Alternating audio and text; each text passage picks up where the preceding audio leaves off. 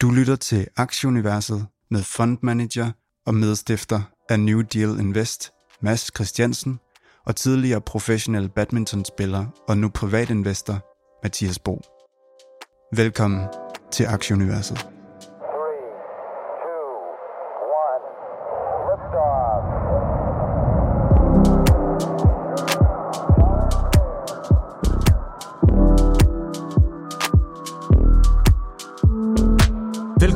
86. 20. udgave af Aktieuniverset. Det er i dag den 20. maj, fredag eftermiddag.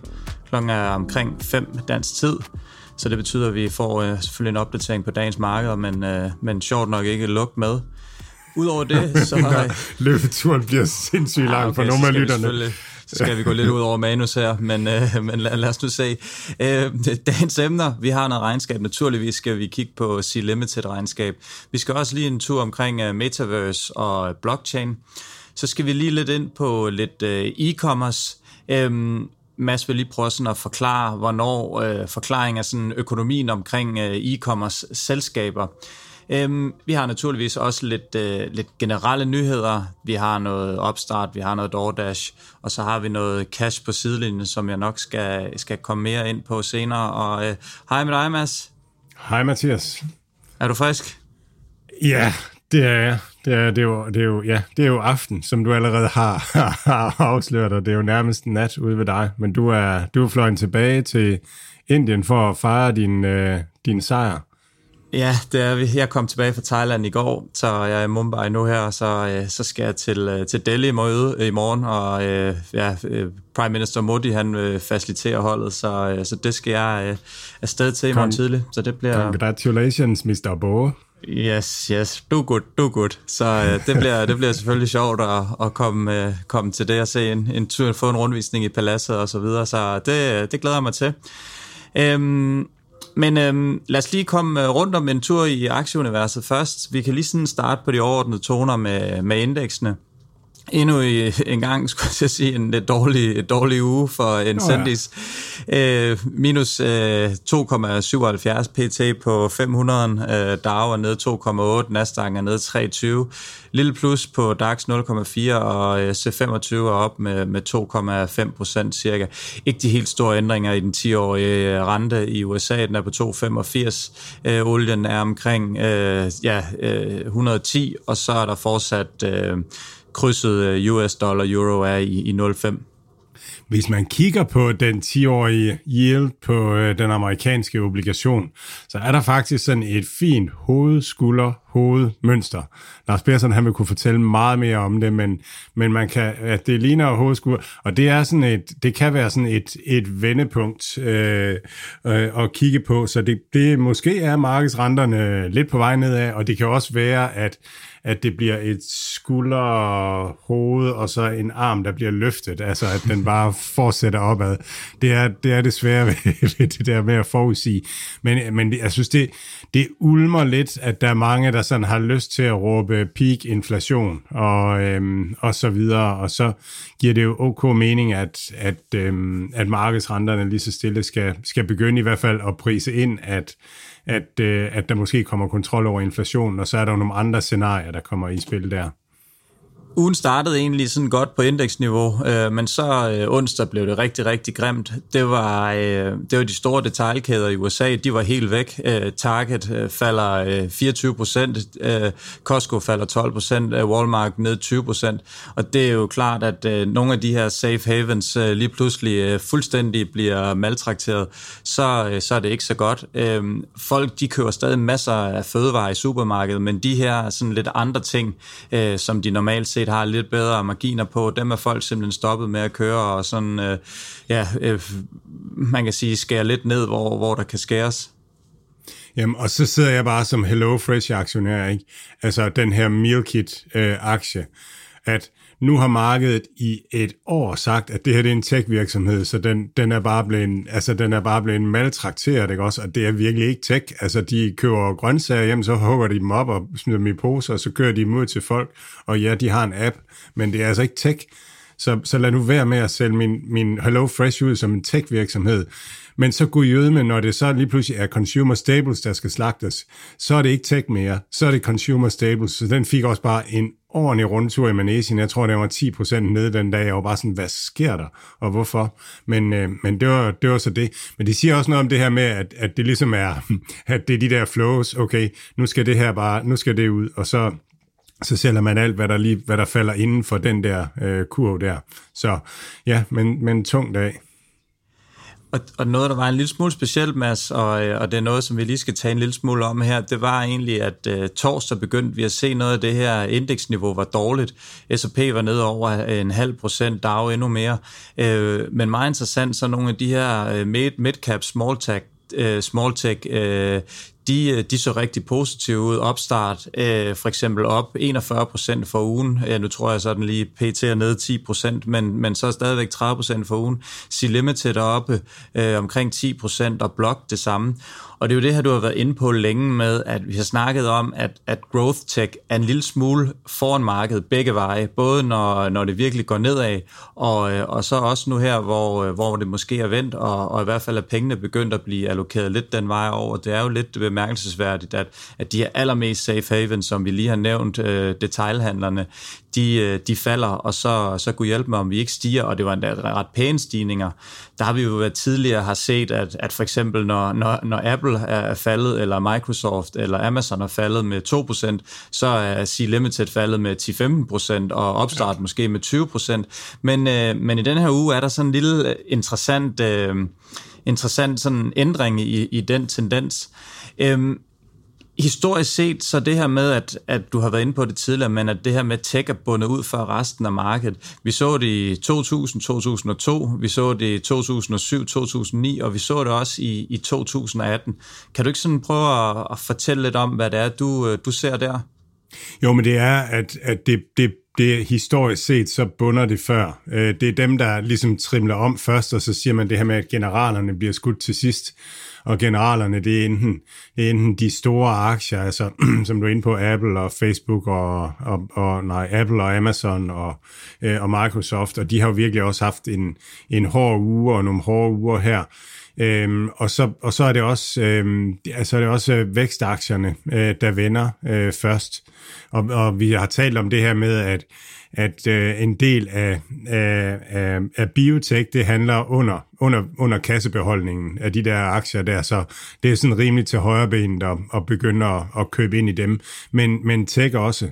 Hvis man sådan går tilbage og så ser på Amazon, øh, den bundede øh, et år før indekserne bundet tilbage i dot-com-boblen. Den faldt 95 procent øh, fra 110 til 6 eller sådan noget i den dur da den var bundet, så efter et år, så var den, var den fordoblet eller tredoblet, og efter to år var den tidoblet øh, Mercado Libre øh, tilbage i, den, jeg tror den gik på børsen i 2007, og så, så steg den, og så ramte den ind i øh, finanskrisen, øh, falder et, et år og falder 90 procent på, på det år, øh, og bunder fire måneder før indeksene bunder, og, og, øh, og tredobles, tror jeg, det første år, øh, og tidobles øh, på to år øh, derfra. Øh, Cisco for eksempel, øh, tilbage.com, kommer ikke derfra med, med en efterfølgende stigning, men de vokser heller ikke ret meget. Øh, dengang i dot-com-boblen, der var det rigtig meget hardware-virksomheder og sådan noget, der ligesom var, var sten meget øh, og, og var meget oppe. Øh, og i det øjeblik, at ligesom bunden går ud af det hele og så videre, så holder virksomhederne op med at købe hardware, og derfor så, så mange af de virksomheder, øh, der, var, der var store under der kom boblen, jamen de, øh, altså de, de, der, der var væksten væk efterfølgende, mens en virksomhed som Amazon, der mere var, var, var almindelig retail, øh, klarede sig godt. Øh, men Cisco klarede sig, klarede sig ikke godt, der øh, kommer ikke ud af det med vækst. Så måske har det noget, altså måske skal væksten være der. Og så en vigtig forskel øh, i forhold til .com, det er jo altså det her med, at hvis man dengang slukkede for Hewlett Packard og Cisco og, og sådan nogle ting, altså så var det lidt træls, men det meste foregik alligevel via papir og ringbind og alle sådan nogle ting, ikke også? Hvis du, hvis du i dag slukker for Microsoft, Amazon, Google, Facebook, øh, Nvidia, øh, de der virksomheder, jamen så går verden fuldstændig i stå, altså så, så, så fungerer verden ikke mere. Så de er mere strukturelle i dag, og, og deres omsætning er ikke en omsætning, man fjerner. Øh, jeg hørte Palo Altos, øh, det her sikkerhedsvirksomheds øh, regnskabsmeddelelse, og noget af det, de siger, det er, at der er jo ingen virksomheder derude, der tænker, at nu, nu skærer vi lige IT-budgettet. Omsætningen er faldende, så vi, vi, vi, øh, vi opsiger vores sikkerhedsabonnement. Altså, det er der ikke nogen, der gør. Så, så IT, det er strukturelt nu, så det er omsætningen af, af meget højere kvalitet, end, end den var tidligere. Det, det er ikke sikkert, at det bliver det samme, at det bliver den her tidobling på to år, men, men der er der nogle virksomheder, som, altså når de er faldet 90 procent, og de samtidig over to eller et år, et halvanden, og de samtidig er vokset med 30, 40, 50, 60 procent, øh, men så er det ikke langt væk, at at, øh, at, at man kan se en, en tidobling. Men hvis der kommer en tidobling, så er det jo ikke fordi, at, at virksomhedens omsætning tidobles, så er det bare fordi markedet øh, mener, at prisen skal være en anden lige pludselig igen. Ja, altså vi må jo gerne understrege, at det er jo ikke, så vi sidder ikke her og siger, at man skal, man skal, man skal købe Nej. de her tech-aktier nu overhovedet. Men, men det, det er bare sjovt, at vi sidder og holder øje med den her tendens, som vi bestemt så en, en anderledes trend, øh, specielt i går torsdag. Øhm, så, så det er jo i hvert fald noget, som man kan sidde derude og holde lidt øje med og sige, når, jamen, når Apple falder, falder 2%, hvad sker der så i de her aktier, som, som vi taler meget om? Ryger de med ned nu, eller, eller begynder de at kunne holde vand? Fordi det er jo ligesom det, vi, vi hele tiden har snart talt om, at hvis der kommer et et, yderligere flush-out i nogle af de store tech-virksomheder, jamen så tager de også de små med ned. Øh, men men det, har, det har været en lille smule anderledes i, i den her uge. Ja, det ligner også, at altså, på mange måder så er indeksene dyrere, end de har været ved tidligere bunde, så, så det, kan, det ligner, at, at vi skal ned, og det passer også med, at mange mener, at vi ser ind i en økonomisk øh, svær øh, tid øh, mange steder, så Ja, så, så det, giver, det giver god mening øh, på den måde, at, at indeks, indeksen måske skal ned. Men øh, ja, det er bare interessant. Og så en anden ting, vi også ser, som, som også tit er omkring bund, de her kæmpemæssige udsving. Altså opstart, der vælter op og ned, og Unity også, der bare brøler op og ned, øh, ned på regnskabsmeddelelsen og op igen, og øh, de her øh, 10-20% udsving øh, på daglig basis, op og ned i alle mulige retninger. Det er sådan en, altså det er også noget, der tyder, tyder på, at vi er ved at være i den fase, hvor markedet begynder at se sig om efter en bund. Den ene dag, så er der FOMO, og den anden dag, så er der frygt. Øhm, Mads, vi skal lige tale en lille smule om, øh, om blockchain. Du øh, kaster dig ud i et webinar på, øh, på onsdag. Vil du ikke lige øh, fortælle en lille smule om det? Jo, klokken 5 øh, webinar på dansk øh, via Cohere-platformen. Jeg har linket til det nogle steder. Fortæl om, øh, hvad det er, der er så revolutionerende ved den her teknologi. Der er så meget snak om, at det er mønter og sådan nogle ting, men det er det ikke, det er blockchain. Øh, og så skal vi se på, hvad er det så, der, hvad er det så ved blockchain, der gør, at nogen siger, at det kommer til fuldstændig at revolutionere verden? Og jeg har det sådan, når jeg skal sige, hvad er truslen imod for eksempel Facebook, jamen så er det rigtig meget blockchain. Øhm, og det er, det er sådan, det, ja, det er det fokus, øh, jeg vil have. Og så, så får vi jo en, en, øh, en velkendt gæst med i, i næste uge, Ja, lige præcis. Øh, Mikkel Gros Nielsen fra GL21, han kommer med næste gang. Vi skal selvfølgelig spørge ham ind til, om han ikke vil være, være sød og fortælle os det her Luna, Luna Crash i, øh, i den her stablecoin, som, øh, som skulle være stable, men ikke rigtig har været det så meget alligevel. Det, det skal vi selvfølgelig prøve at se, om han kan, han kan, han kan skære ud, så, så vi alle sammen er med. Og det er blandt os, Thomas, fordi vi blev enige om sidst, vi, vi har læst det, og vi har læst det igen, og vi har hørt det, men vi har stadigvæk ikke helt 100% forstået det. Så, så det kan være, at den ryger ind her øh, fjerde gang, øh, når, øh, når vi nu skal have, skal have Mikkel med, så det er selvfølgelig super interessant. Ja, filmen knækker virkelig, når det er stablecoin, ikke? og den så bare bliver, bliver, bliver wiped out. En, en sjov historie omkring det, det er egentlig historien om tatovering. Der sidder på, øh, på skulderen af Mike Novogratz, sidder han. Det er ham, der er CEO og founder af, af Galaxy Digital. Øh, de har tjent en ordentlig omgang penge øh, op til deres Q1-regnskab, eller op til deres øh, øh Q4-regnskab. De har rigtig meget Luna på bogen, og, og været dybt investeret i det, og, og også promoted den her øh, coin her. Øh, og så Mike øh, Novogratz der, han får så, han er sådan lidt en celebrity i, i New York, han får så den her tatovering. Den er ikke særlig pæn. Øh, man kan helt sikkert finde den alle vegne på nettet, og så står der Luna på. Øhm, og nu, øh, nu vil historien så, at, at øh, Galaxy Digital rent faktisk kom ud af Luna inden øh, crashet. Og det, jeg synes, det er en, en vild historie. De, fra Galaxy Digital side har man været ude at sige, at det jo er rigtig vigtigt, når man investerer, at man er diversificeret, og at man følger med, og at man også tager profit hjem undervejs, og at man holder øje med makrotendenser øh, undervejs. Øhm, og alt det har Galaxy Digital gjort. De skriver ikke, at, at de har cashet ud, men, men det er der en del derude, der, det er der i hvert fald rygter om, at, at de har. Og jeg synes, det er så så altså, det siger noget om kryptoland, at det er virkelig Wild West, men det siger også noget om, at, at det, jeg tror, det er en rigtig god idé at investere i Galaxy Digital, i stedet for at investere i Luna for eksempel. Fordi man har bare, Galaxy Digital, de har tentaklerne ude, de ved, hvad der foregår derude, de hører alt i deres spind og sådan nogle ting. Så formentlig har der været nogle informationer, der er passeret, som ikke burde være passeret, men, men det sker jo også hele tiden på aktiemarkedet. Øhm, så, så det er ikke specielt kryptoland, men formentlig har de også bare kunne se, at der var et eller andet, som, som ikke hang sammen i, i makro-tendensen. Og det er derfor, vi i New Deal Invest laver vores kryptoportefølje på den måde, at vi investerer i de her virksomheder, i stedet for at investere i de enkelte øh, mønter. Mads, lad os lige komme lidt rundt om lidt øh, generelle nyheder nu her, mens jeg lige sådan kan være live og så se, at nu ser det godt nok noget mere rædeligt ud. Øh, Nasdaq'en er nede i skrivende stund 0,25, øh, og, og S&P'en er nede 1%. Det er godt nok taget, taget ved den her, øh, efter vi er gået på. Det er typisk Unlock i Bo. Han bare øh, kommer ind og jinxer hele lortet sådan fredag her.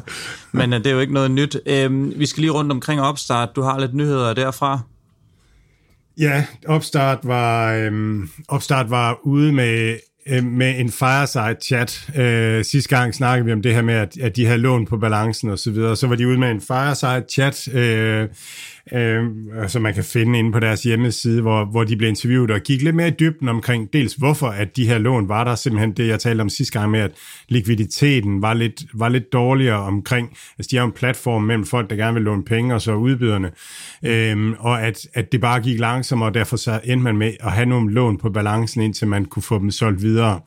Og det sagde man så, at, at det havde man Sørme med ikke tænkt sig at blive ved med. Øh, og, og, øh, og så steg opstart 100 procent. Øh, men men det, det er noget af det, som markedet ser som en, en, en risiko øh, ved det, og også noget af det, som markedet ser som risiko ved Open Door, den her øh, home flipper, iBuying øh, virksomhed, at, at man lige pludselig har for meget på balancen. Det er, markedet er fuldstændig risk-off øh, i øjeblikket, og måske med god grund jo. Øhm, og du har også lige noget omkring uh, DoorDash. Ja, DoorDash, de fortsætter i, jeg talte om det her med, at, at de, de med deres regnskabsmeddelelse, så sagde de, næsten hver anden sætning, så sagde de, det er enormt profitabelt at bringe pizzaer ud. Sådan, det, det er paraphrasing, men, men det, var, det var deres budskab. Og nu er de så ud med en nyhed om, at de øh, køber aktier tilbage for 400 millioner øh, dollars øh, Øh, nu her. Øh, og det er jo et udtryk for, at, at de synes, kursen er for lav, og måske at det er den bedste investering, de kan gøre lige nu, det er at købe aktier i egen virksomhed.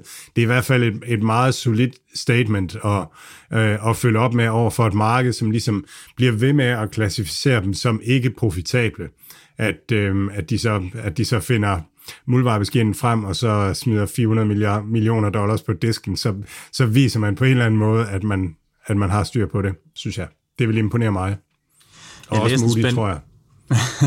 læste en spændende artikel, det her med, at der var lavet sådan en undersøgelse med globale, øh, globale forvaltere, der faktisk pt. sidder på 6,1% øh, cash. Det er faktisk den største procentdel i, i 20 år. Øhm, det er klart, når de kigger på de her sektorer, så er det primært mod de, de defensive sektorer øhm, om alle de her negative ting, som der sker pt., så, så kan man ikke lade være at sidde sådan og danse en lille smule på, på, øh, på stolen, fordi hold da op, når der først bliver trykket på, på købsknappen med, med den slags penge på sidelinjen, så kommer det altså til at gå, gå rigtig, rigtig, rigtig stærkt opad. Det er selvfølgelig klart, at 100 kroner eller 1000 kroner spørgsmålet, eller million kroner spørgsmålet er selvfølgelig, øh, hvornår det sker. Skal vi de her 5-15 procent ned, som vi har snakket om på indeksniveau, endnu ned, inden at, at der kommer et boost, og raketten bliver sendt afsted? Det er jo sådan det, som vi snakker om før, de fleste eksperter nok peger på, at øh, ja, vi, vi, er ikke, vi er ikke færdige nu, vi er ikke ude af, ude af, af stormværet endnu. Øhm, men omvendt så er det jo også det her med, at vi, vi har set den, de seneste par år, at når det begynder, når toget begynder at, at køre, så kører det rigtig, rigtig stærkt, og så når man altså ikke med, hvis man, øh, hvis man står parkeret på, øh, på sidelinjen. Så øh, ja, jeg sidder sådan lidt og overvejer, hvor længe man, man tør at, at, at, at vente. Og det er jo også det, som du var inde på, det her, jamen, begynder tech-positionerne at falde sammen med resten af markedet igen, det her, som vi talte om før, har været lidt øh, afvigende i den her uge, jamen så kan det være, at vi skal 2-3x ned igen, så kan det være, at opstart skal en, en, en 30-40% ned igen, ja.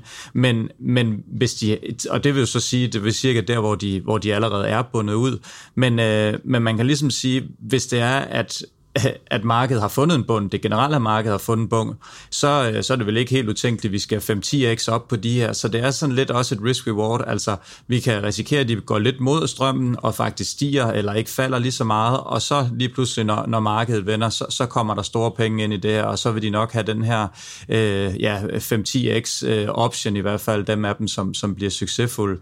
Så øh, ja, det er utroligt og, og, og spændende. Hvad, hvad, hvad tænker du om, om det, Mads?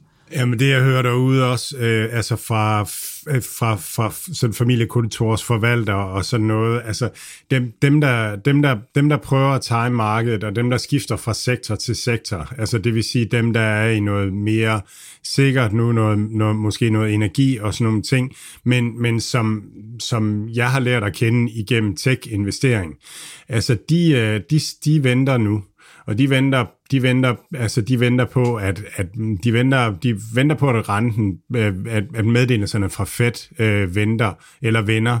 Det, det er en af de ting, de venter på. En anden ting, der er mange, der holder øje med, det er, at der er en del fonde, som er, ved, som er meget koncentreret i nogle af de her tech-navne.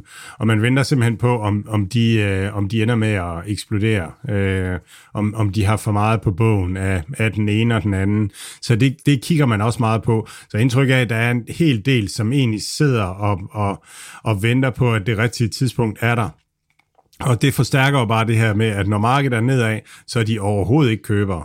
Altså fordi at de, de venter, øh, og når markedet er opad, så nu man bliver måske køber, fordi at ah, så skal vi, den her, den skal i hvert fald ikke have lov at løbe, løbe fra os. Øh, opstart kunne sagtens være sådan en virksomhed, ikke? At, at nu handler den der, hvor den gør, og man har kigget på den, ja, man har været interesseret i 200, og man var interesseret i 150 og 100, og og i 50, og nu handler den ned i 40, altså så, så, øhm, ja, så er man bare meget interesseret og vil ikke have den til at løbe væk fra sig. Så det giver de her meget øh, voldsomme op- og nedture. Men så inden vi skal til at komme rundt om nogle øh, regnskaber, så, så indleder vi lige med, med det her e-commerce. Øh, jeg vil rigtig gerne have dig til sådan forklaring af økonomien for de her e-commerce-selskaber. Kan du ikke sådan prøve lige at, tage os rundt om, rundt om det? Fordi det er jo, jo det, det er jo så meget, mange taler om hele tiden, det her med, jamen de laver ikke nogen penge, og hvornår skal de lave penge, og kan de lave penge, og hvorfor? Så, så prøv lige at, øh, at tage os igennem det. Ja, altså, og det er, det er det her, som, som alle snakker om lige nu, at de skal tjene penge for, at, at man vil betale noget for dem i, i værdi, og det er måske også det, der så kan gøre, at det bliver voldsomt, når det vender, fordi det er ikke meningen, de skal det. Hvis man nu zoomer tilbage, og så ser for 300 år siden, når vi skulle have mad på bordet, så gik vi over til naboen, her var landmand, så købte vi en høne, så pillede vi den selv, og så, så kogte vi den. Og det var det, det var mega bøvlet, øh, og sådan nogle ting. Øhm, så, så, så kom der en udvikling, hvor at vi fik sådan en, en mom and pop store, sådan en købmand, eller sådan et eller andet. Der var nogle faste udgifter. Man skulle have det her hus, som blev brugt som købmand, men så kunne man også sælge mange flere varer og sælge dem billigere, fordi man ligesom, så plukkede man 10 høns ad gangen og så videre, og købte stort ind ved, ved bundemanden, og man slap for at gå turen og sådan nogle ting. Så, så enhedsprisen faldt, øh, men man kunne sælge mange flere, og, og prisen for det var, at man fik nogle faste udgifter. Så blev det lavet om til en slagter, øh, som var endnu mere specialiseret, større faste udgifter og sådan nogle ting. Så blev det lavet om til et supermarked, og så til et hypermarked. Og et hypermarked, det er jo det her med store, kæmpe faste udgifter. Man har parkeringspladser, man har masser af ansatte og bygninger og alle sådan nogle ting. Men til gengæld, så kan man bare øh, køre nogle varer igennem. Øh, og, og når det er sådan, at, at man når en vis skala på det, så, så bliver det billigt, og så, altså, eller så bliver det en god forretning. Så tjener man mange penge på varerne. Og det, det, det, der, det er det for hvert skift, der kommer i handel. Det er det, der sker. Det er, at man har større faste udgifter, og så, har man, så kører man øh, mange flere varer igennem. Det kalder man på engelsk operational leverage. Det betyder, at at, at det, når omsætningen går opad, så går det mega godt, fordi at, at man har ikke så mange enhedsudgifter, man har mange faste udgifter. Men også når omsætningen går nedad, så går det rigtig, rigtig skidt. Det er det, der er sket for Carvana nu her i det sidste kvartal, at de er blevet ramt af den her operational leverage. Men, men det er hele tiden det der, det, der, det, der er playbooken for virksomheder som Sea Limited for eksempel, som, som vi også skal tale om i dag, at, at de, øh, de har en masse faste udgifter, softwareudgifter, organisatoriske udgifter og alle sådan nogle ting, udviklingsudgifter til software, og så skal de bare have volumen på. Så det er ikke et spørgsmål om, at, at de brugere, de har nu, at det er dem, de skal tjene pengene på. De skal tjene pengene på at, at få endnu flere brugere på. Og de brugere, de får på det næste år, dem har de en, en bedre marginal på, end dem, de fik på det sidste år, fordi deres faste omkostninger stiger ikke så meget. De skalerer det bare. Og de brugere, de får på i 2024, dem har de endnu større øh, indtjening på, altså for hver 1000 brugere. Så deres playbook, det er simpelthen ikke at være profitable nu, det er at være, være profitable, når man har nået den skala, der er optimal for det her udviklingstrin inden for handel. Så det er derfor, at, at jeg bliver så træt af at høre, at, at folk de ligesom kigger på, hvor meget sige Limited har i overskudsgrad, fordi det er bare ikke meningen. Det var det samme som at sige, at Bilka, når man nu endelig lige havde bygget den der kæmpe butik ude i Tilst, altså at så skulle man ikke bruge penge på at få flere folk derind. Øh, vi, havde, vi, har, nej, vi, har, vi har 70 p-pladser. Vi skal, ikke, øh, vi skal ikke gøre mere ved det. Nu skal vi bare sørge for, at det bliver profitabelt. Vi skal ikke investere i, i de næste 130 p-pladser. Altså, det giver ikke mening. Og det, det er, så har man misforstået forretningsmodellen, mener jeg.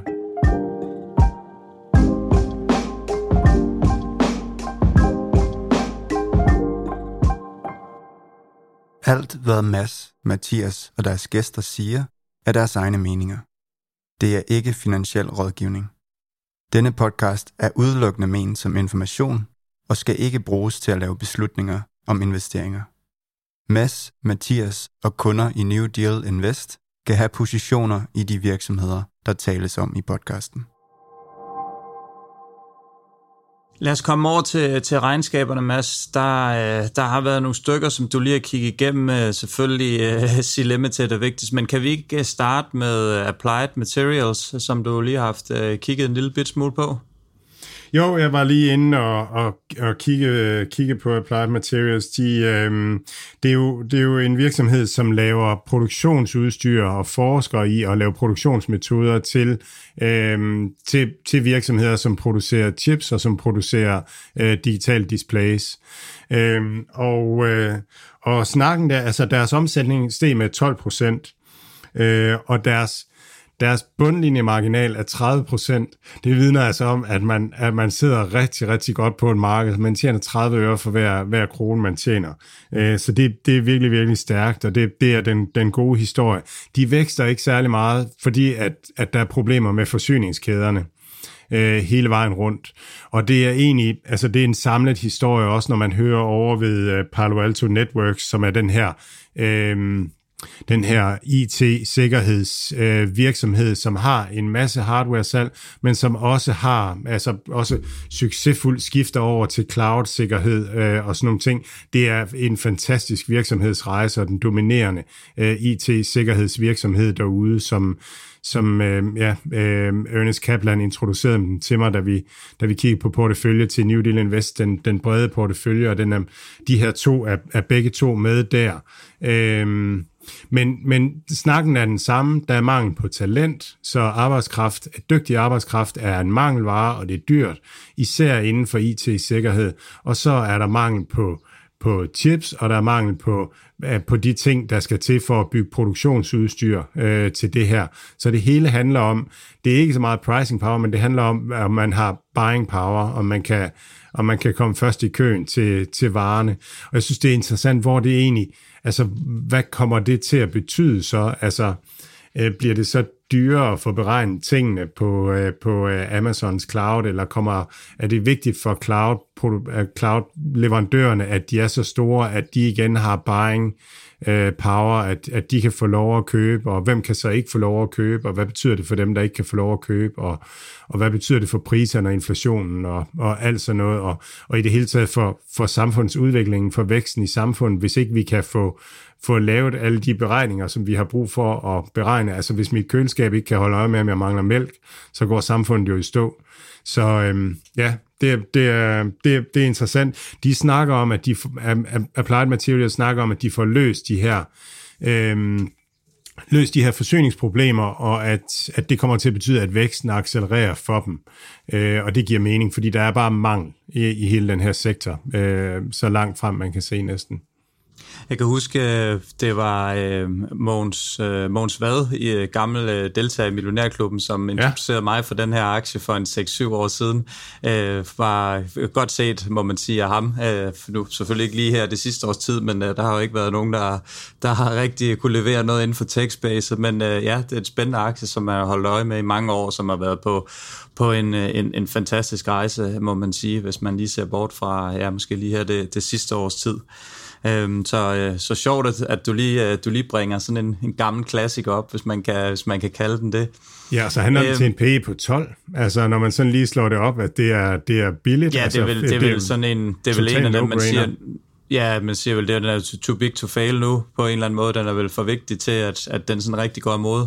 Ja, helt klart. Ja, og er et centralt sted. Altså, det er det, der er mangel på. Nu her, hvor, hvor der så er mangel på råvarer og produktionsudstyr, så har de jo meget gang i at, at prøve at optimere øh, med, med det, man nu har, det udstyr, man har. Sådan noget. De, de er bare et, på et nøglepunkt i den der værdikæde, så det er en, en super virksomhed. Nu nævnte du lige de her, de local og global E, de, øh, de tror, de har vist også været i i, øh, i den her uge med noget regnskab, Mads. Øh, kan du ikke lige øh, prøve at, at løbe igennem det? Jo, øh, og jeg synes egentlig, at det er, det, det er sjovt at tage dem sammen. Øh, Global E er en, en virksomhed, det er en af PU's øh, virksomheder, det tror jeg faktisk også de local er, øh, begge to, og det, det giver jo sådan et, et, et stempel for, at hans netværk i hvert fald øh, peger på, på de virksomheder. Øh, og så, så gør de lidt det samme. Øh, de, øh, de hjælper begge to øh, brands øh, med at sælge rundt omkring i verden. D-Local øh, tager sig af betalings, øh, betalingsting øh, øh, af det, sørger for, at, at uanset hvilken øh, type betalingsmetode den borgeren i Bangladesh vil bruge, så, så kan pengene flyde fra Bangladesh til Nike, når der bliver solgt et par Nike-sko.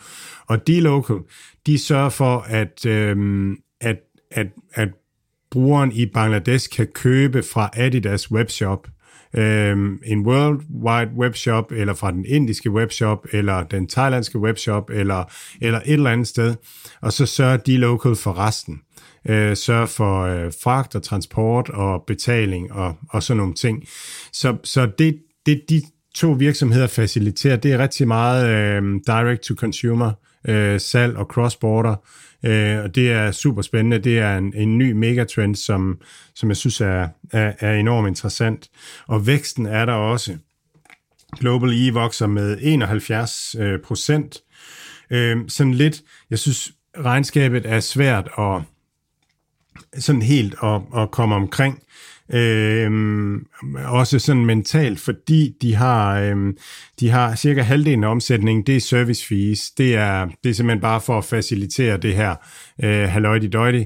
Og så er halvdelen, det er fulfillment fees, og jeg har ikke, sådan, jeg har ikke fundet ud af, om, altså umiddelbart, så, så marginalen på fulfillment fees er ikke særlig høj, øh, afhængig af, hvordan det sådan er, er beregnet, om det er brutto eller netto, det man regner ind.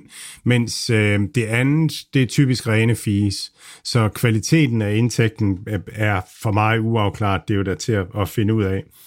Øh, de guider for 61% vækst øh, i år, og handler til en øh, price EBITDA på i 70'erne, så noget i den stil. Så det, det, det virker dyrt, altså der skal, der skal vækstes noget, men, men det her direct to consumer, det er virkelig også øh, den næste trend inden for e-commerce nu, det er muligt. Og så er der D-Local, som, som jeg er helt vild med. Øh, den her betalingsløsning. Øh, de vokser deres betalingsvolumen med 127 procent, deres omsætning stiger med 117 procent, og deres net revenue, øh, net dollar retention rate, den er 190 procent. Det vil sige, at de vækster deres salg til eksisterende kunder med 90 procent hvert år. Det vil sige, de skal næsten ikke ud og få nye kunder ind. Altså, de har bare en, en vanvittig øh, vækstrate. Det er Snowflake ligger også meget højt i, i øh, net dollar retention rate. Og, og de local øh, tjener penge. De har en PE på, på 80. De local er 89 procent øh, Latinamerika. Så der er ikke ret meget uden for Latinamerika, så det, det skal man bare være lidt opmærksom på med den. Men, men to spændende sådan, øh, cross-border faciliterende øh, virksomheder den ene betaling, den anden mere logistik øh, og end-to-end øh, for, for salget. Nu når vi for alvor får varmet det op her, så synes jeg lige så godt, at vi kan komme i gang med, med main event. Øhm, Sea Limited.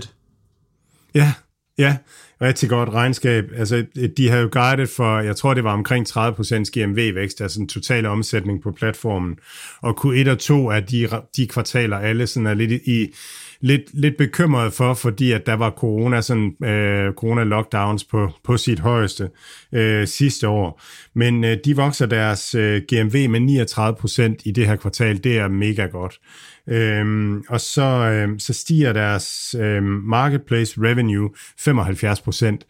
Der, der, der er to tal. Det ene tal, det er et revenue-tal, Øh, det indeholder også de, de situationer, hvor øh, Shopee sælger øh, et eller andet, som de selv har købt direkte til forbrugerne. Og det vil sige, det er meget lav kvalitet revenue. Og det er faktisk ikke stigende ret meget, øh, det der direkte salg.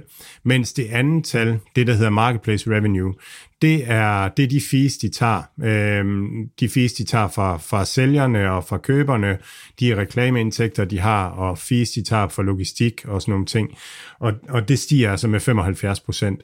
Og det er en af de ting, som jeg taler om, også noget af det, der var pointen i den der handelssnak, det er, at at, at den samlede omsætning stiger 39 procent, men deres deres indtjening, deres, øh, deres, øh, deres fees stiger altså 75 procent, meget mere end den samlede omsætning. Og det er, det er fordi, at, at, øh, ja, det er fordi at, at der er bedre marginal på det, og bedre, øh, ja, bedre, det, det, value prop bliver større, og sådan noget. På alle måder bliver det bare en, en bedre og bedre økonomi. Og så man sige, de penge, de tjener på det her, på deres bruttoprofit, skal de så betale dem ud til aktionærerne, eller skal de investere dem i endnu mere vækst og endnu mere, nå endnu mere skala? Skal man bygge, alligevel, nu valgte vi at bygge de 200 P-pladser foran Bilka. Skal vi ikke bare bygge 200 mere, fordi der er jo plads inde i P-huset til, eller inde i, i butikken til, at de kan komme der, så vi kan sende endnu mere mælk?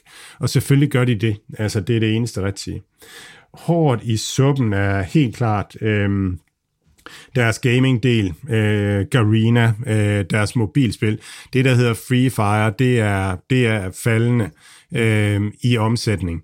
Og, og sådan som det bare er med, med et mobilspil, det er, når det er faldende i omsætning, så er det godt nok svært at vinde. Altså når interessen går den vej, så er det svært. De har, øh, de har sådan et, et, et sted, hvor man selv kan bygge kort, og, og de arbejder med det som en platform og sådan nogle ting, arbejder med at holde liv i det, men jeg tror som aktionær, der skal man nok regne med, at, at, øhm, at det går over, det her Free Fire. Der bliver, der bliver et andet spil, som, som bliver det næste. Sådan er det næsten altid med, med mobilspil. Øhm, hvis man havde købt Sea Limited, fordi at man synes, det var en, en fordi man synes, Garena var, var en juvel, altså så har man simpelthen ikke forstået det. det er, vi taler om den ledende e-handelsmarkedsplads i Sydøstasien og Taiwan, og, og i Brasilien går det virkelig godt for dem også. Øh, de er nummer et i uh, time spent in app og downloads og alt sådan noget. Uh, jeg tror næsten også ordre derovre, uh, og taler om, at det går rigtig meget fremad. Øh, så så det, det virker solidt. Så det virker som om, de får godt fat i i Latinamerika også. Så en kæmpe virksomhed, det er Amazon i to verdensdele, så det er altså ikke et spørgsmål om et, et skydespil på mobil, selvom det har været stort, om, om det lykkes eller ej. Nej, men det eneste er vel, at man kan sige, at de har forsaget lidt benet af med det, fordi det har været med til at give så meget, generere så meget omsætning på spillet, så det er klart, når, når man har en, en vækstvirksomhed, som taber penge, øh, men, men som de har været, man kan sige, heldige eller dygtige til at, at have et spil, som finansierer den, øh, så de ikke skal ud og, og, og hente nye penge ind, øhm, så er det selvfølgelig klart, at det er set som et bed, at, at man ikke lige kan, kan hive et nyt spil op af baglommen, som lige kan generere øh, og, og dække, øh, dække det store underskud, som, som, det, som det, og de penge, det koster at, at kreere de her markedspladser, som du taler om, og få de nye ekstra 300p-pladser øh, i, øh, i Bilkagen i Tilst, eller et eller andet, hvilket er vanvittigt bladet eksempel. Jeg vidste for eksempel slet ikke, der lå en, en bilka i Tilst, og vidste slet ikke, at der var 300 parkeringspladser, men det ved jeg så nu. Øhm, så, så ja, lad os da få, få bygget nogle sige Limited, men, men det er jo ligesom det, som, som folk måske ligesom kan sige. Det er derfor, at den har gået fra at være helt fantastisk til måske sådan at være en af dem, som er stadigvæk gode, men, øh, men, men der er i hvert fald ligesom lige noget, der, der er sad en lille smule af på, på grund af det. Jamen det er rigtigt. Det har jo været, det har jo været rart, at man, at man kunne få et cashflow derfra. Øh, og det er, det er selvfølgelig ærgerligt, at det er lige præcis på det tidspunkt, hvor, hvor, hvor verdens aktiemarkeder fokuserer allermest på, øh, på indtjeningsevnen. Det gjorde de også under dot-com-boblen. Øh, der var det det, man kiggede på. Amazon ventede, da de kunne sige, at nu var de, nu var de indtjeningspositive øh, dengang. Øhm, jamen, så har Sea Limited deres fintech-ben, øh, som, som kommer og vokser et par hundrede procent. Øh, øhm, øhm 360 procent øh, vokser deres omsætning der, øhm, som formentlig ned ad vejen bliver lige så stort som, øh, som fintech-benet i Mercado Libre. Så jeg er super tilfreds med, med virksomhedens udvikling i, i Sea Limited. Lad mig sige det sådan. Aktiekursen, der kunne man da godt have håbet på noget lidt andet, men men, øh, men på en lang sigt, så er det jo Kan man købe noget billigt? Du kan, du kan stadig købe nogle rigtig billige billig, limited uh, aktier, ja. det, er i hvert fald, det er i hvert fald helt sikkert. På skrivende stund lige under uh, 80 US dollars skal man have op af baglommen, hvis man skal have eje en, uh, et stykke C Limited uh, aktie. Um, Mads, øh, den her Palo Alto, som du, som du nævnte i indledningen, de har også øh, fremlagt regnskab. Kan du ikke lige øh, kigge, øh, tage os igennem den? Jo, jo øh, 29 procent op, og... øhm, øhm, i omsætning, øhm, og, og, og går netop fra at være den her, øhm, altså har, har formået at lave skiftet til at, og også at, at kunne sælge i, i clouden. Øhm, jeg, har, jeg har prøvet at læse lidt på det. Øhm, der er noget, der hedder Sassy og, og sådan noget forskelligt. Men, øhm, men, men de kan sådan lidt det samme, som Sentinel-1 kan. Øhm, uden at du på nogen måde må spørge mig sådan nærmere omkring det, og samtidig lidt mere en CrowdStrike kan, og sådan nogle ting. Det, det er et spændende, spændende felt, og jeg tror, det, det er vigtigt at forstå med cybersecurity, det er, at der bliver enormt meget brug for det. Øh, de cyberkriminelle er blevet mere og mere organiseret, og mere og mere aktiv. Som nogle af dem er jo sponsoreret af nationalstater, og nogle af dem deler sig sågar op, sådan at, at der er nogen, der ligesom er gode til at lave filerne, og så er der nogen, der er rigtig gode til at få filerne øh, øh, lusket ind øh, i, i virksomhedernes øh, systemer og sådan nogle ting. Og så kommer der alt det her med, med cyber hijacks og, og, og alt sådan noget. Så, så det er ligesom en forsikringspræmie, som bliver mere og mere aktuel for virksomhederne, at de bliver nødt til at, at have styr på.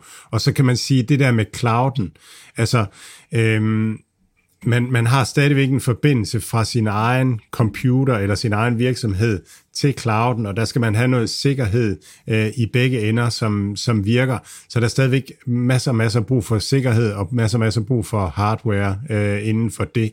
Øh, så så det, det bliver kun, det er, det er en vækstbranche. Øh, man taler jo om de her eksperter ude og taler om de her, øhm, øh, hvad hedder det nu, Snow, Snow som, du, som du taler om, og, øh, og Cloudflare, og så den her Okta, som de tre største inden for det her øh, cybersecurity-sikkerhed. Øh, og, og det er jo også sådan lidt, folk er sådan lidt, øh, dø, altså hvor, hvorfor skal det hamres ned? Jamen, det er, jo, det er jo 100% kommet for at blive. Skal det så lige være de tre, der er de største? Ja, det, det ved jeg ikke, men, men sandsynligheden for er der jo nok, er for til stede, at de kan blive ved med at være, være store og mindre, der, der kommer nogle andre ind om og overhaler dem. Men det er sådan også en lidt, ja, ja, selvfølgelig skal man være eksponeret mod den vej. Det, det, er, det, det bliver kun større og større og større, og det er ligesom de tre mastodonter, der, der ligesom er PT, øh, som, som alle, alle tre er handlet voldsomt ned.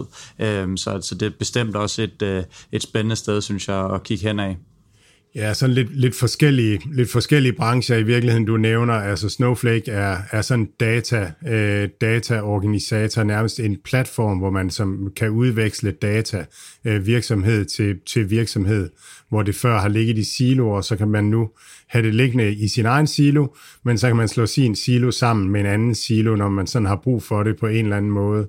Øh, giver super meget mening, og, og Cloudflare, som du siger, sikkerhed øh, er de indenfor, og ja, Palo Alto er faktisk en af de, øh, jeg er ikke sikker på, om ikke det er den største øh, øh, cybersecurity øh, sikkerhed, eller, og så er der den, der hedder Sentinel One, som også er, er super spændende. Øh, CrowdStrike, den, den giver dig ikke sådan beskyttelse lige nu og her, altså sådan lidt den der firewall-agtige ting, der stopper, når der kommer et eller andet, men den, den hjælper, når den kan se, at der er et eller andet, der invaderer rundt omkring i verden, så begynder den at gå til angreb, mens at Sentinel-1 har både CrowdStrike-tingen og, øh, og så den her øh, initiale beskyttelse mod, at det ikke lige er dig, Altså, hvis, hvis nu at man selv bliver invaderet, så er det ikke, altså, det er ikke så fedt at være med i et fællesskab, hvor så når de første 10 er invaderet, så, så bliver alle reddet. Det er rart, at man også selv lige bliver reddet fra starten af, øh, hvis man kan. Så, øh, men, men der sker en masse udvikling. Sind, sindssygt spændende og sindssygt svært at forstå for en gammel hjerne.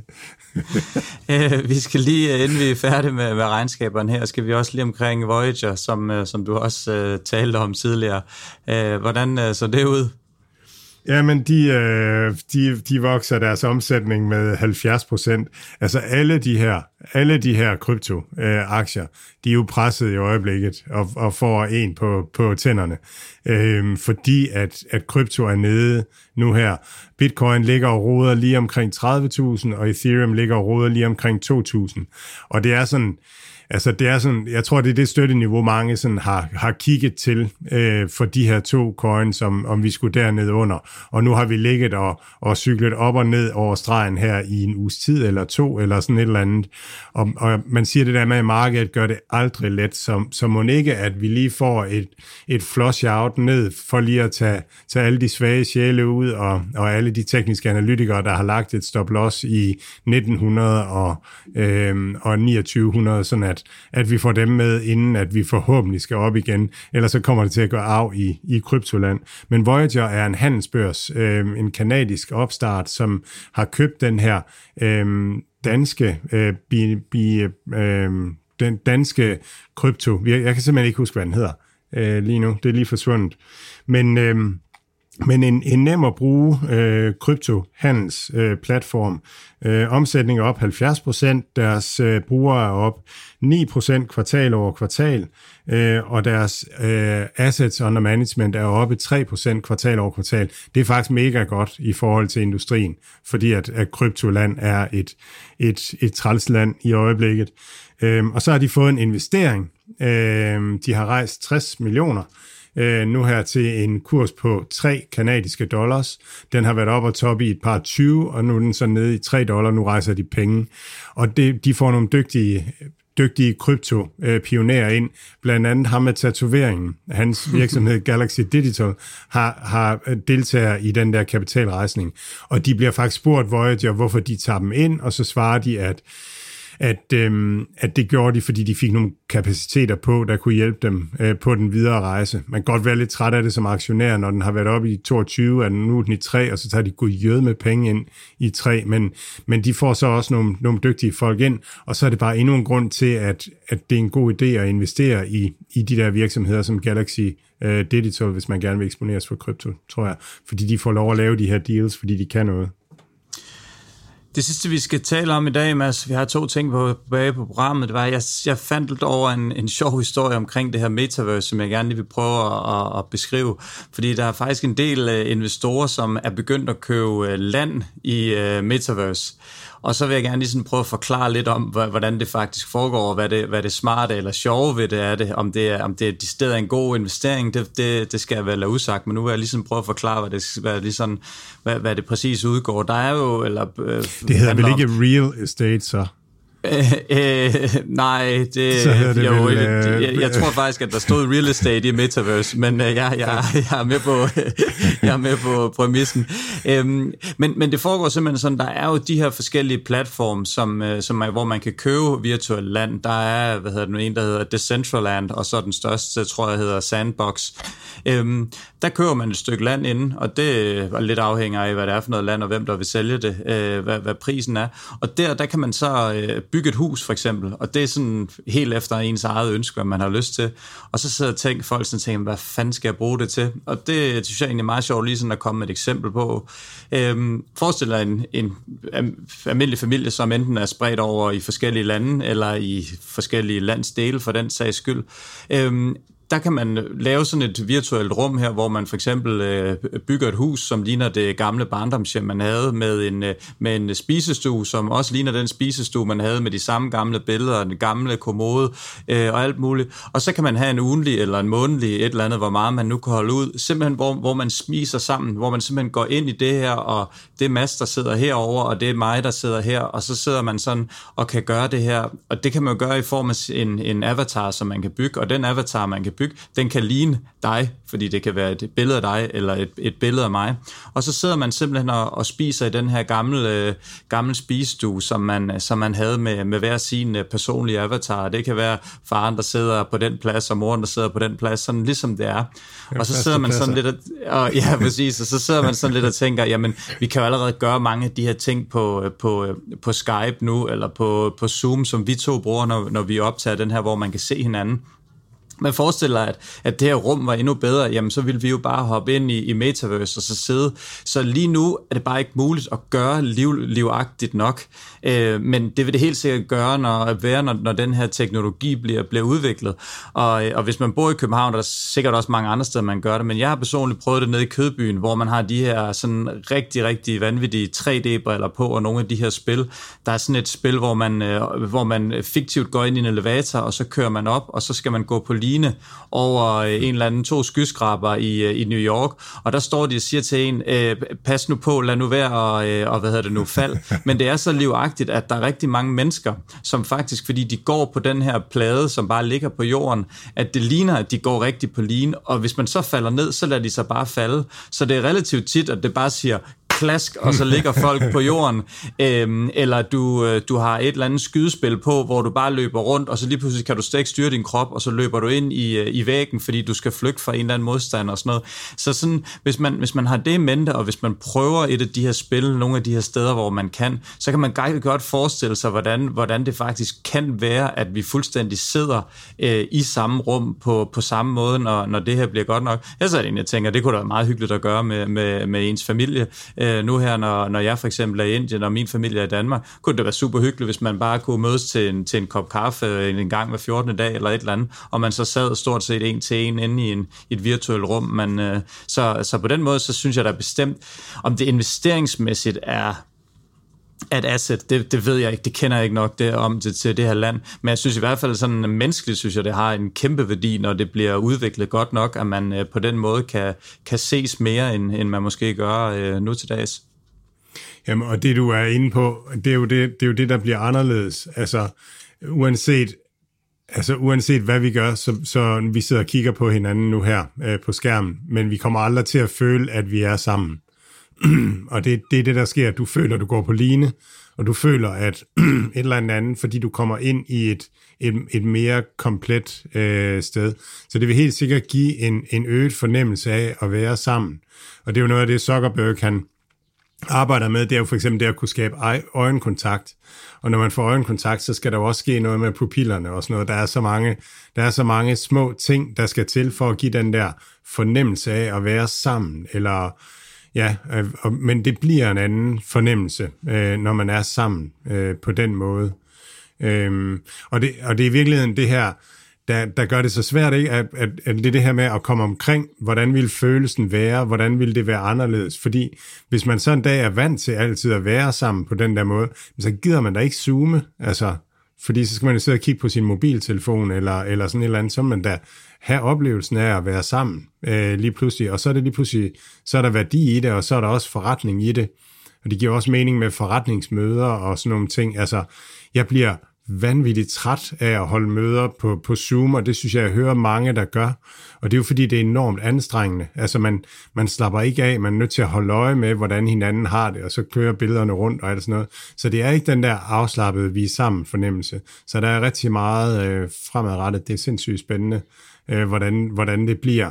Og så kan man sige, så det der med, altså hvad er det så værd at at have land i, på, på en eller anden bestemt lokalisation, øh, et eller andet, men, men altså hvis nu at, øh, hvis nu Kylie Minogue for eksempel, øh, bare for at øh, til alle, alle øh, hovedparten af vores lyttere ved ikke, hvem Kylie Minogue var, men ja, hun var sådan en køn australsk sangerinde fra, fra mine unge dage. Men, men hvis hun nu havde et hus i Decentraland, øh, så kunne det jo godt være, at det alligevel var ret attraktivt at have et hus øh, ved siden af, af hende, især hvis, hvis måske Mathias Bo havde huset ved siden af også, og sådan nogle ting, så, så bliver der lige pludselig et kvarter der, hvor, hvor det er penge værd. Og så kan man godt sådan sidde og tænke, hvordan kan man så, det kan man jo, øh, det kan man jo ikke tjekke og sådan nogle ting, men det man skal forstå, det er, at så er man netop inde i den oplevelse, du siger, det er en virtuel oplevelse, og husene ligger ved siden af hinanden, og sådan noget, det, det oplever man. Og man kan ikke snyde, fordi det er kode. Det er ikke et billede, men det er kode. Så, så spil Decentraland-program ved godt, hvor det hus ligger, og du kan ikke flytte det fordi det, det ligger fast med kode, og det er, det er formentlig en blockchain-kontrakt, øh, der ligger bag ved det salg, som, som ved præcis, hvem der ejer det hus, øh, og det der. Man kan i hvert fald lige prøve at hoppe ind forbi øh, ja, øh, Sandbox eller noget og, og kigge lidt og, snuse rundt derinde. Ikke? Man behøver ikke at købe et land, men, øh, men bare lige for at få sådan en fornemmelse af, hvad, det, hvad, hvad, hvad, hvad meningen er med galskaben. Det er i hvert fald ganske sjovt. Øhm, Mads, vi har lige en sidste ting på programmet i dag. Vi Nej, skal en lige... ting. Lige en ting. Fordi det er noget af det, der er spændende så ved, ved det her univers. Det er, at nu er der Decentraland, og der kommer også et, der hedder Cowboyland, og et, der hedder Disneyland, og, og sådan noget derinde, hvor man også kan bo. Men, men det, der kommer til at betyde noget øh, for, for værdien af det hus, du kører i Decentraland, det er, hvem der ellers kommer ind og bor i Decentraland. Så det vil sige, at med det samme, at du køber, så vil du blive interesseret i, at Decentraland vokser øh, og at netop at Kylie Minogue kommer, og måske synes du, altså du er nok for ung til Kylie Minogue, så måske synes du, det skal være Kim Kardashian, eller sådan en eller anden, der skal komme ind i, ej, der, ej Mathias ryster lidt på hovedet, men, men, øh, men, men, øh, men, men på den måde, så lige pludselig så, så får... skidt da. så får, så får ejerne, de får, de får, altså de får, øh, de, de kommer til at bygge det her i fællesskab, og det er egentlig det, der sker, det er en af tingene, der sker med krypto, det er det her med, at man bliver deltager mere i, i, øh, i projekterne, øh, der foregår. Godt. Vi skal, øh, vi skal lige have en, øh, en opdatering på øh, Caravana, inden vi, øh, vi lukker ned for, for dagens program. Ja, helt, altså helt vildt. Og når, når jeg nu snakker det der med e-commerce, ikke? altså så Caravana, de bygger ikke bare én bilka. De tager bare et dybt tag ned i lommen, og så bygger de bare vanvittigt mange bilkager overalt i hele landet. Og så har de tilst med bilkager, eller hvad? Fuldstændig.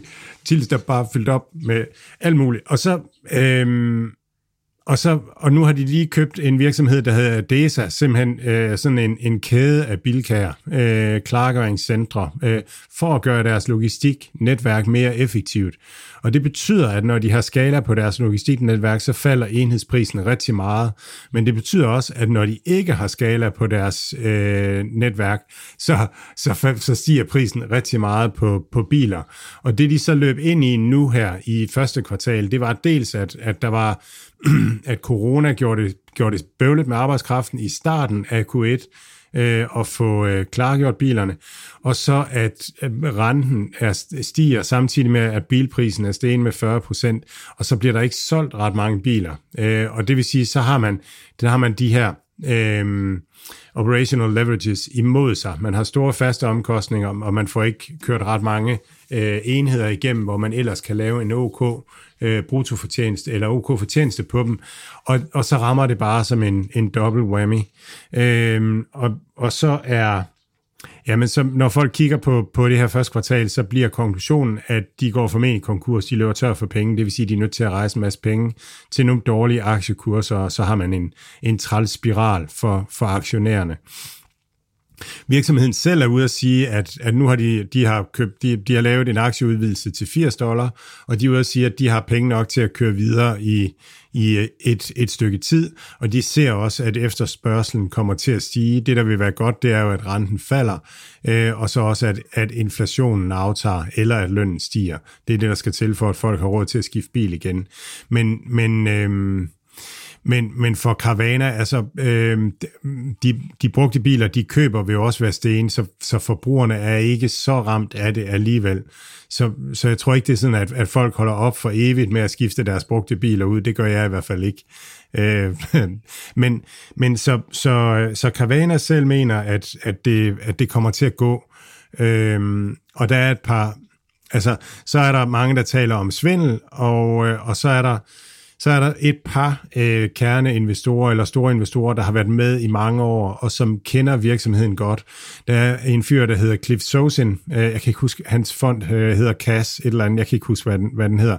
Han har, han har været dybt i den, og så er en, der hedder Cardlytics, og så har han, øh, så har han nogle... Øh, nogle indekspositioner eller sådan noget, men han har rigtig meget karavane og har haft det meget, meget længe øh, og holder på. Og så er der en, en fond, der hedder Saga Partners, som også er ude, og, og, og min pointe med det er, øh, at Short Partners har også været dybt i Carvana.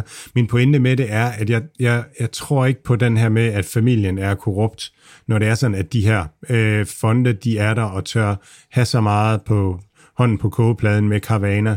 Og det er mit indtryk også af, af, af Garcia, Ernest Garcia nummer to, der, at han er en super klog, intellektuel fyr, som ved rigtig meget om, om digital handel, digitale platforme, og så kender han bilindustrien ind og ud, fordi han er vokset op øh, som sin fars søn, der også hedder Ernest øh, Garcia. Øh, hans far har, haft, har den her store virksomhed, der hedder Drive Time, og det er der Carvana vokser ud fra. Og det er derfor, at, at hovedaktionærerne i Carvana er familien, øh, fordi den er, den er knopskudt fra, øh, fra Carvana. Og nu skal jeg holde det her sådan en lille smule kort, men en af de ting, som gør mig bullish på Carvana på sigt, det er det her med, at det er så sindssygt svært at gøre. Der skal bygges så åndssvagt mange bilkager, og og købe så mange lastbiler, organisere så mange mennesker. Og hvis man løber ind i for høj efterspørgsel, så giver det problemer. Det gjorde det for ni måneder siden. Hvis man løber ind i for lav efterspørgsel, så giver det problemer. Og samtidig så skal man investere, investere, investere en masse penge, og så skal man have en, en organisation op at køre. Det er mega svært. Og den eneste grund til, at, at det har kunne lykkes for Carvana, det er, at man vokser ud af drive time, hvor man, hvor man kan tage et skridt ad gangen, og hele tiden har drive time til at tage sig af alt det, man ikke kan håndtere endnu øh, på nogle gunstige vilkår, fordi man er, man er øh, en del af familien. Så jeg tror, jeg tror ikke, Carvana får konkurrenter øh, på sigt. Og så er de den her virksomhed, der nu har en, en kapacitet til at levere 2-3% af den amerikanske bilmarked i en vildt fragmenteret marked. Det er bare små mom and pop bilhandlere derovre alle sammen. Så, så Carvana bliver det her øh, det her, øh, den her store virksomhed. Det svarer til, at, at der kun var, var lokale købmænd i Danmark, og så lige pludselig så kommer Bilka øh, i Tilst, Mathias, og så, og så bagefter også over i København og, og Frederikshavn og alle mulige andre steder, og leverer bare meget billigere varer øh, på en meget mere øh, convenient måde med, med et meget større udvalg. Og det, det er en, en overlegen forretningsmodel, øh, hvis det lykkes. Men altså, der er, der er en risiko lige nu for, for konkurs. Det, det priser markedet ind, så det må man, det må man tage, tage til efterretning, at der er der. Vi holder øje med, hvad der sker her. PT, så ligner det også øh, konkurs på, på bankkontoen PT, med, med meget, meget kraftige fald i PT, S&P ned 1,5 procent her, øh, Dow 21, Nasdaq ned næsten 2 procent, mens vi har været, været på her og, og sidde og snakke. ned med 20 procent. Ja, det er, ikke, det er ikke kønt. Vi må hellere, vi må hellere skynde os at lægge på, inden at øh, det hele går i brand. Det var, det var alt, hvad vi nåede i dag. Rigtig god weekend til lytterne derude og til dig, Mads. God weekend, Mathias. Tak.